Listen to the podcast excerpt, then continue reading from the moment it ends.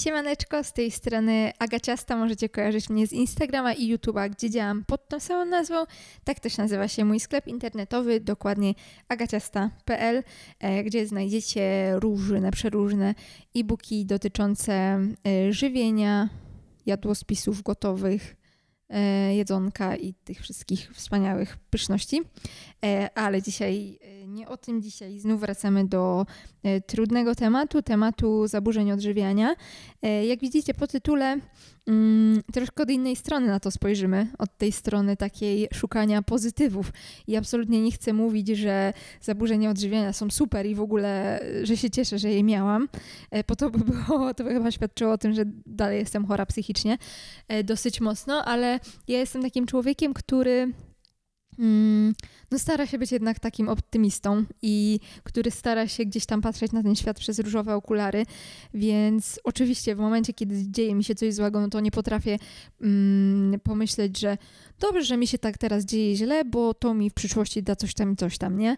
E, to jest bardzo trudne, żeby tak myśleć zawsze, e, tym bardziej jeśli się dzieje coś takiego naprawdę, co nas e, no bardzo męczy, co nas bardzo boli, mm, ale z biegiem czasu, kiedy ten ból taki, wiecie, ten najmocniejszy etap bólu, czy tam jakiegoś gniewu, który w nas jest, gdy coś nam nie idzie, gdy ten etap mija, no to już staram się właśnie patrzeć na tą sprawę e, z innej strony, już troszkę bardziej obiektywnie, bo, bo jak boli i jak to jest wszystko takie mm, gorące jeszcze, to bardzo trudno jakkolwiek obiektywnie na to patrzeć. Wtedy po prostu ten subiektywizm bierze górę i my tylko patrzymy na to mm, tak, jak nam się w danej chwili wydaje, nie analizujemy, nie rozkminiamy.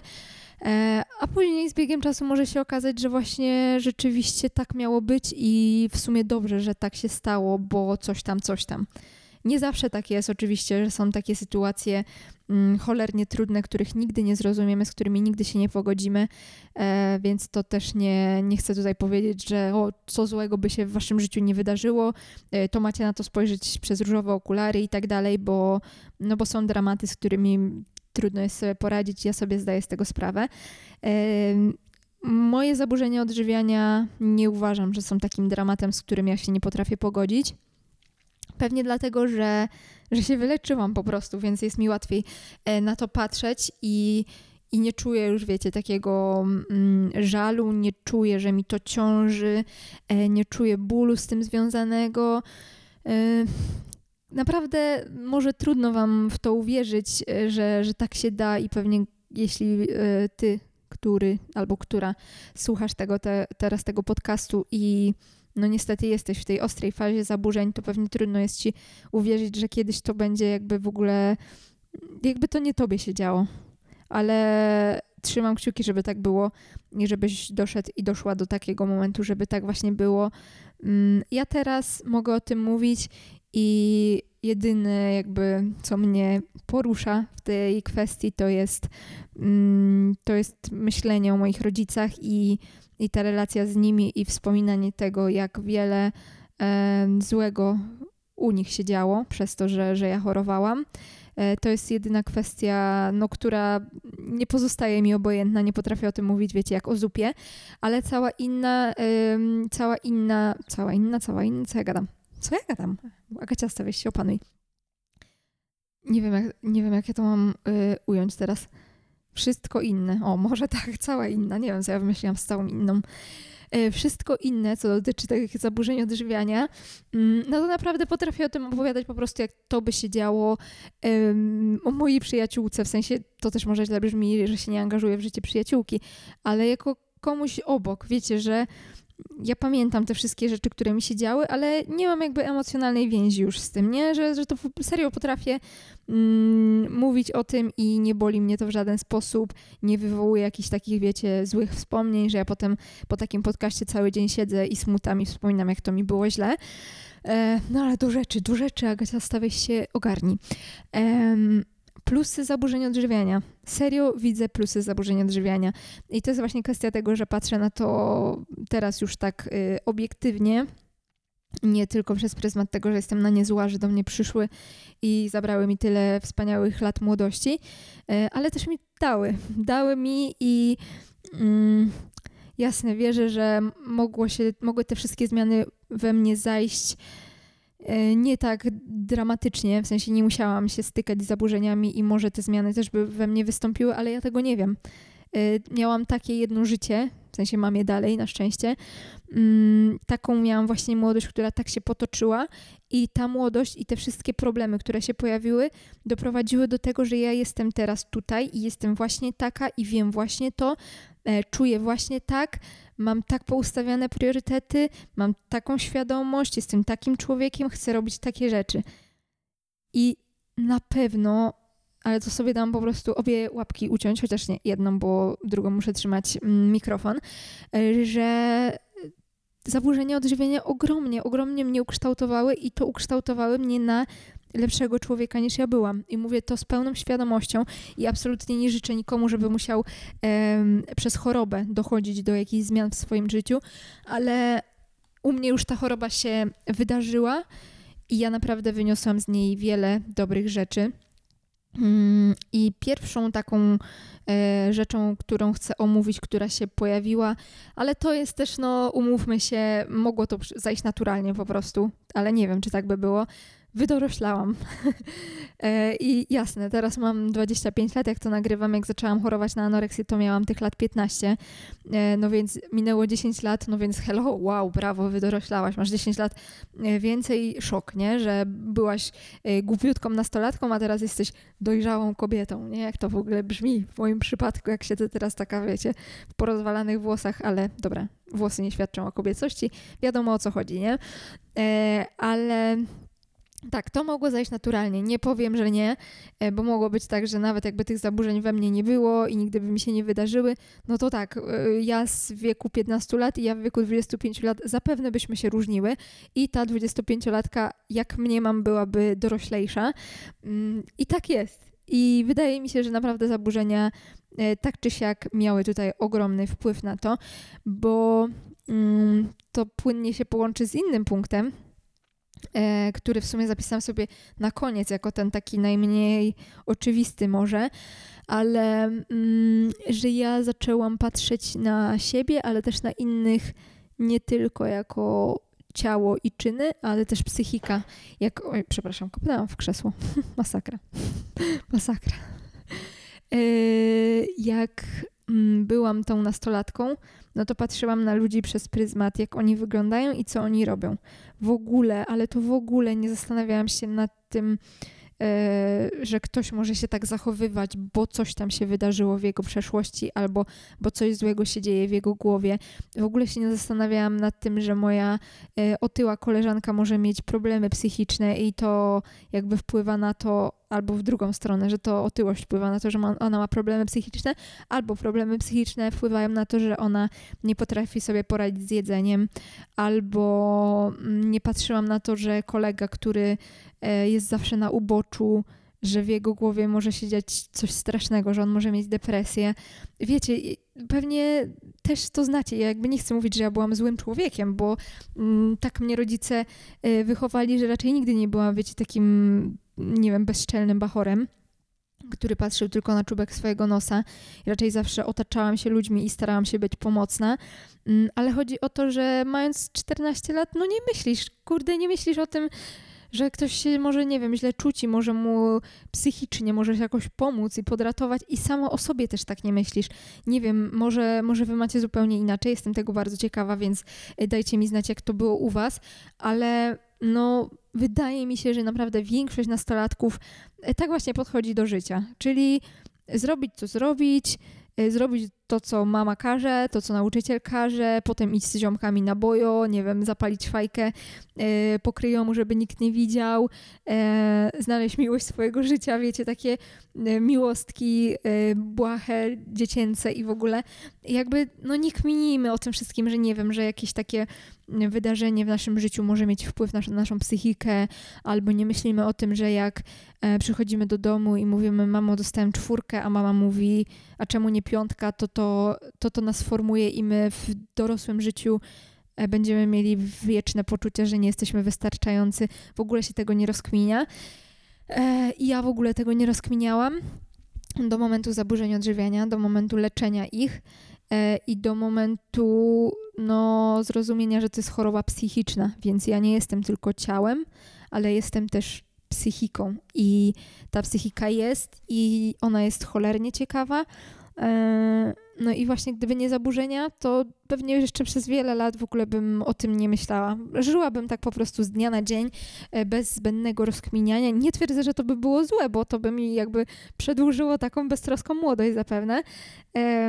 Ale stało się, były, odży e, były odżywiania, były zaburzenia odżywiania i Mm, I one były faktem, i one zmusiły mnie poniekąd, żeby zacząć rozważać, że ja jestem czymś więcej niż ciałem. No i właśnie, i dzięki temu wydoroślałam. Wydoroślałam e, na wielu płaszczyznach. E, podejście do wielu kwestii mi się bardzo zmieniło, e, ale tu znowu to się połączy z drugim punktem, sobie, który sobie zapisałam. Tak skaczę sobie po tych punktach. E, pierwszym było właśnie to wydoroślenie, ostatnim była ta psychologia, a teraz jest drugi punkt, czyli docenienie e, swojego życia i docenienie swoich bliskich. I właśnie mam, miałam 15-14 lat E, I relacja z rodzicami, chociaż rodziców mam wspaniałych i oni zawsze byli wspaniali i nigdy nie mieli oni ze mną problemów, ani ja z nimi, wiecie, takich problemów, żebyśmy się kłócili, nienawidzili. Wiadomo, jak to w rodzinie, no były gorsze i lepsze chwile i ja byłam też y, bardzo dużym buntownikiem, zawsze musiałam postawić na swoim, zawsze miałam swoje zdanie, więc ja byłam trudnym dzieckiem na pewno. I z rodzicami często się nie zgadzaliśmy, ale wiecie, ale nie było jakichś takich skrajnych, patologicznych wydarzeń w naszym życiu. No ale właśnie, no masz 14 lat i tobie się wydaje, że ci rodzice od zawsze byli i zawsze będą. I to jest jakby, to jest stała w twoim życiu. I nie rozkminiasz tego, że jaki to jest skarb, jaki to jest w ogóle cud, że ty masz oboje rodziców, że oni oboje cię kochają, że oni są oboje dobrymi ludźmi, że są zdrowi, że oni cię wychowują, że oni zrobią dla ciebie wszystko, uznajesz to jako stałą i nie przychodzi ci do głowy, żeby za to podziękować, żeby czuć wdzięczność za to, no bo, bo zawsze tak było, nie? Więc w sumie za co, to tak jakbyś nagle podziękował za to, że okej, okay, oddychasz, nie? nie? Nie myślisz o tym, masz 14 lat, nie myślisz o tym. I nagle przychodzi choroba, która... Mm, która sprawia, że ty jesteś zamknięty w szpitalu białych czterech ścianach i nie możesz wyjść. I rodzice, którzy byli stałą i którzy byli zawsze w domu i którzy zawsze byli na każde twoje zawołanie, nie ma ich i są raz w tygodniu, jak, e, jak ty dostajesz zgodę od ordynatora, żeby się spotkać z rodzicami. I ta stała, która była czymś, za co ty w ogóle nie przyszło ci do głowy, żeby za to podziękować, to staje się największym twoim pragnieniem żeby, żeby móc się do tej mamy przytulić i o, mówiłam, że potrafię bez emocji, już mam takie ciary na rękach, już mi tak głos zaczyna drżeć, że zaraz y, się poryczę. Mm. Uświadamiasz sobie, że, że to nie jest żadna stała że to twoje życie codzienne, które nawet ci przez głowę, nie, przez myśl nie przeleciało, żeby za nie podziękować, żeby za nie być wdzięcznym, teraz staje się czymś, wiecie, ze sfery sakrum, że to jest twoje największe pragnienie, żeby po prostu znowu mieć normalne życie. E, I, i pod tym względem ja się bardzo cieszę, że, że anoreksja do mnie przyszła, bo mój kontakt z rodzicami ogromnie się poprawił, bo tak jak mówię, on nigdy nie był zły, ale on mm, właśnie taki był, powiedziałabym, że mnie, bo oczywiście rodzice y, ni, nic nie mam im do zarzucenia oni zawsze mnie kochali y, i byłam dla nich takim największym skarbem, ale dla mnie, jako dla takiej gówniary, no to to była taka oczywistość i i wiecie, i to takie, no po prostu, nie? Po prostu se są. I w sumie to bardziej przeszkadzają, jak mi tam na, na coś nie pozwalają, albo o coś ich muszę prosić, a mogłabym sobie to zrobić sama i w ogóle. E, I nagle jesteś zamknięty i po prostu marzysz o tym, żeby móc z tymi rodzicami pogadać, żeby móc się do nich przytulić, żeby móc się z nimi pokłócić o, nie wiem, o najgorszą, najgłupszą pierdołę. No, i po chorobie mój kontakt z moją mamą ogromnie się zmienił. Bardzo się ze sobą zżyłyśmy. Um, choroba i im pokazała to, że, że mnie mogło nie być. Oho, ryczę. i mi pokazała, że, że ich może nie być i, i jak bardzo trzeba docenić to, że oni są.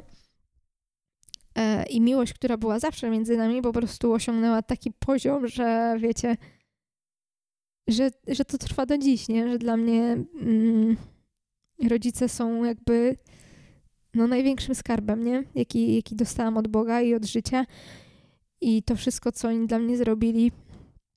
Mm, I nie miałam tego w wieku 14 lat, nie miałam takich e, uczuć. A po anoreksji e, to wszystko zaczęło się we mnie rodzić i jest do dzisiaj.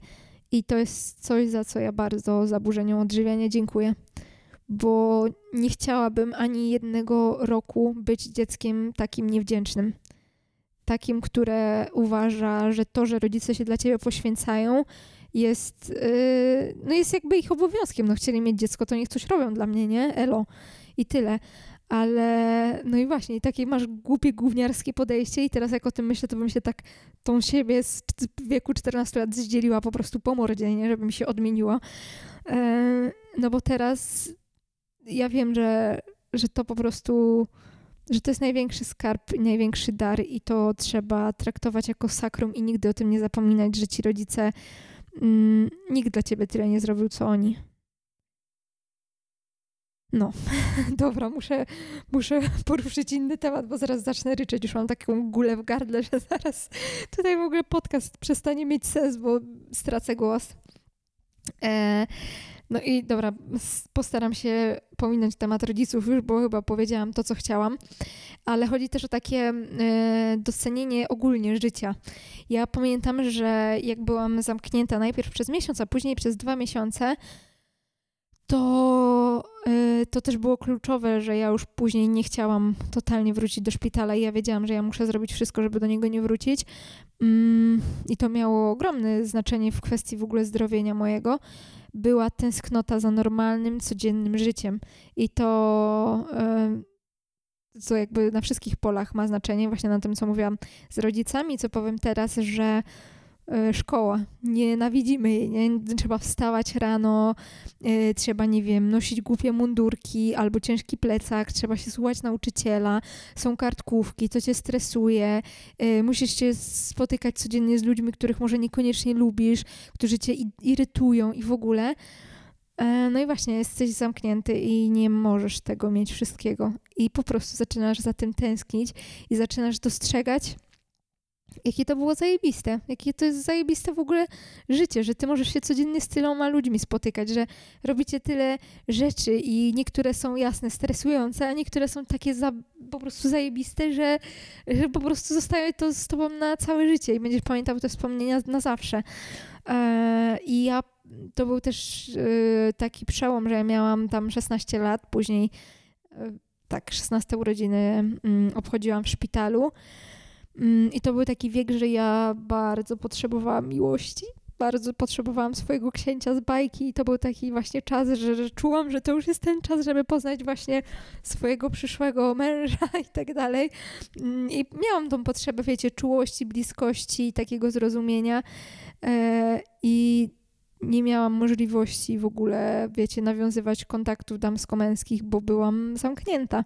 I chociażby za czymś takim, co teraz wiadomo, no śmieję się z tego, e, bo, bo gdzieś tam no, życie się zupełnie inaczej potoczyło i nie, nie poznałam swojego przyszłego męża w wieku e, 15 lat, tylko mam nadzieję, że moim przyszłym mężem będzie e, szeroko znany saker WK. E, ale no na tamten moment to była moja duża potrzeba i nie mogłam jej zrealizować. I po prostu ta tęsknota za taką codziennością i to docenienie tej codzienności to jest naprawdę e, coś, za co jestem bardzo wdzięczna e, zaburzeniom, że one mi to uświadomiły, to zniewolenie, na które ja się sama zdecydowałam, uświadomiło mi, jak cudowna jest wolność jak cudowne jest e, chodzenie do szkoły, spotykanie się ze znajomymi, chodzenie na randeczki, które wiecie, kończyły się złamanym sercem albo, albo huczne romanse y, licealne czy gimnazjalne. Mm, jakie to jest wszystko fajne, nie? Mimo, że w danym momencie, jak coś tam nie wyjdzie, no to się wydaje, że o, nie chcę takiego życia, bla, bla, bla. Y, I nagle zaczynasz za tym tak bardzo tęsknić i to się wydaje czymś tak wspaniałym, no docenienie wolności było naprawdę czymś bardzo, bardzo istotnym w tym procesie.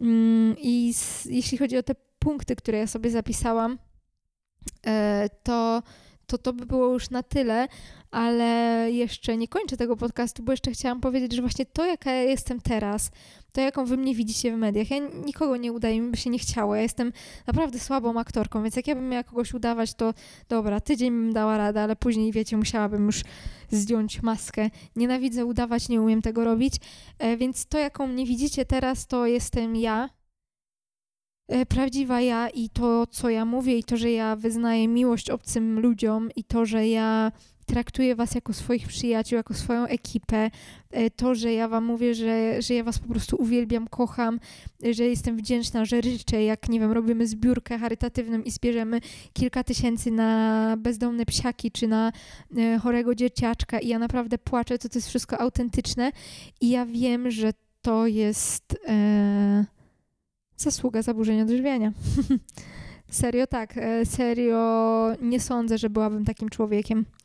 Raczej gdyby zaburzenia odżywiania w ogóle mi się nie przydarzyły i patrząc na to, jaką byłam nastolatką, to nie byłabym złym człowiekiem. Miałam takie gdzieś tam te fundamenty, które rodzice we mnie zbudowali, że e, raczej nie byłabym złym człowiekiem, ale nie byłabym, kurde, byłabym szarym człowiekiem. O, byłabym takim zwyczajnym człowiekiem, który tak, tu se ponarzeka, bo pogoda nie taka, tu se ponarzeka, bo robota nie taka, tu se ponarzeka, bo chciałby zarabiać więcej pieniędzy, e, tu komuś powie coś niemiłego, bo uważa, że należy się, e, tu skomentuje czyjś wygląd, bo stwierdzi, że no, że dobra, pokazujesz mi się, no to mogę komentować, nie? Essa, co mnie to obchodzi, że ty się źle poczujesz.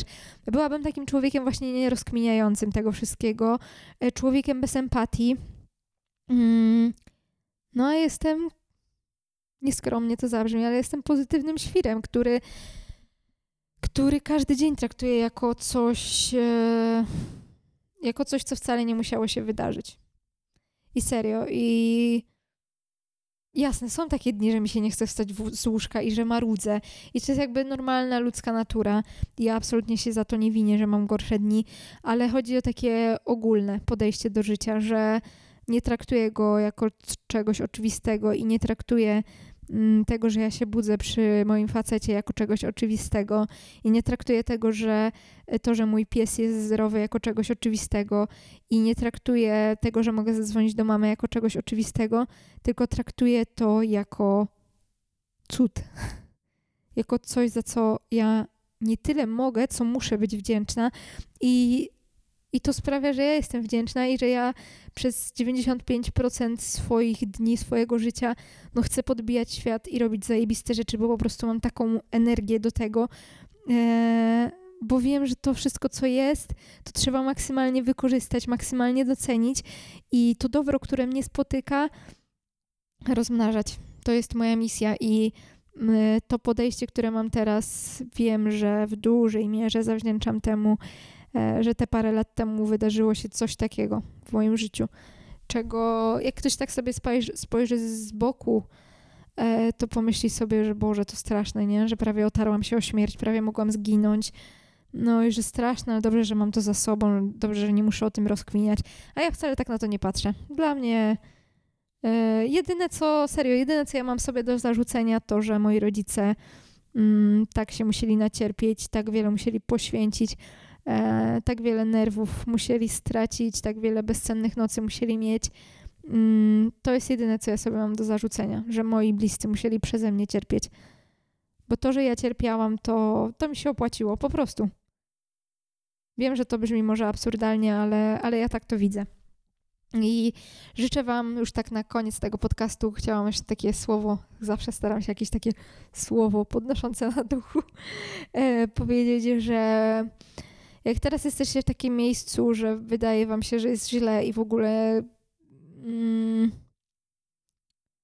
że chcecie, żeby to minęło, żeby o tym zapomnieć i że właśnie jeśli dzieje się wam coś takiego niefajnego, e, to pamiętajcie, że to nie zawsze musi być czarno-białe i że to nie zawsze jest tak, że jest źle i będzie tylko źle i to będzie tylko złe w waszej przyszłości e, i będziecie tylko źle wspominać, bo może być zupełnie odwrotnie. I może to, co się teraz Wam dzieje, to jest swego rodzaju inwestycja w Waszą przyszłość i może to właśnie e, da Wam, da wam coś, czego byście nie, nie zyskali, gdyby nie wydarzyło wam się to coś złego. I tak jak mówię, nie, to się nie tyczy wszystkich, e, wszystkich e, kwestii, które się w naszym życiu wydarzy, wydarzają.